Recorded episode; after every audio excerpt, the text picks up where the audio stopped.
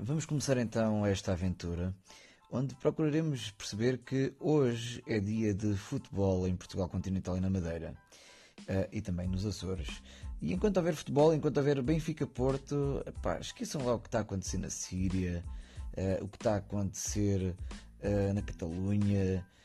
o que me interessa é que hoje há Benfica e há relotes e há pão com termossos e há pão com torresmos, e há vinhos e sanos de curado. Portanto, está tudo bem.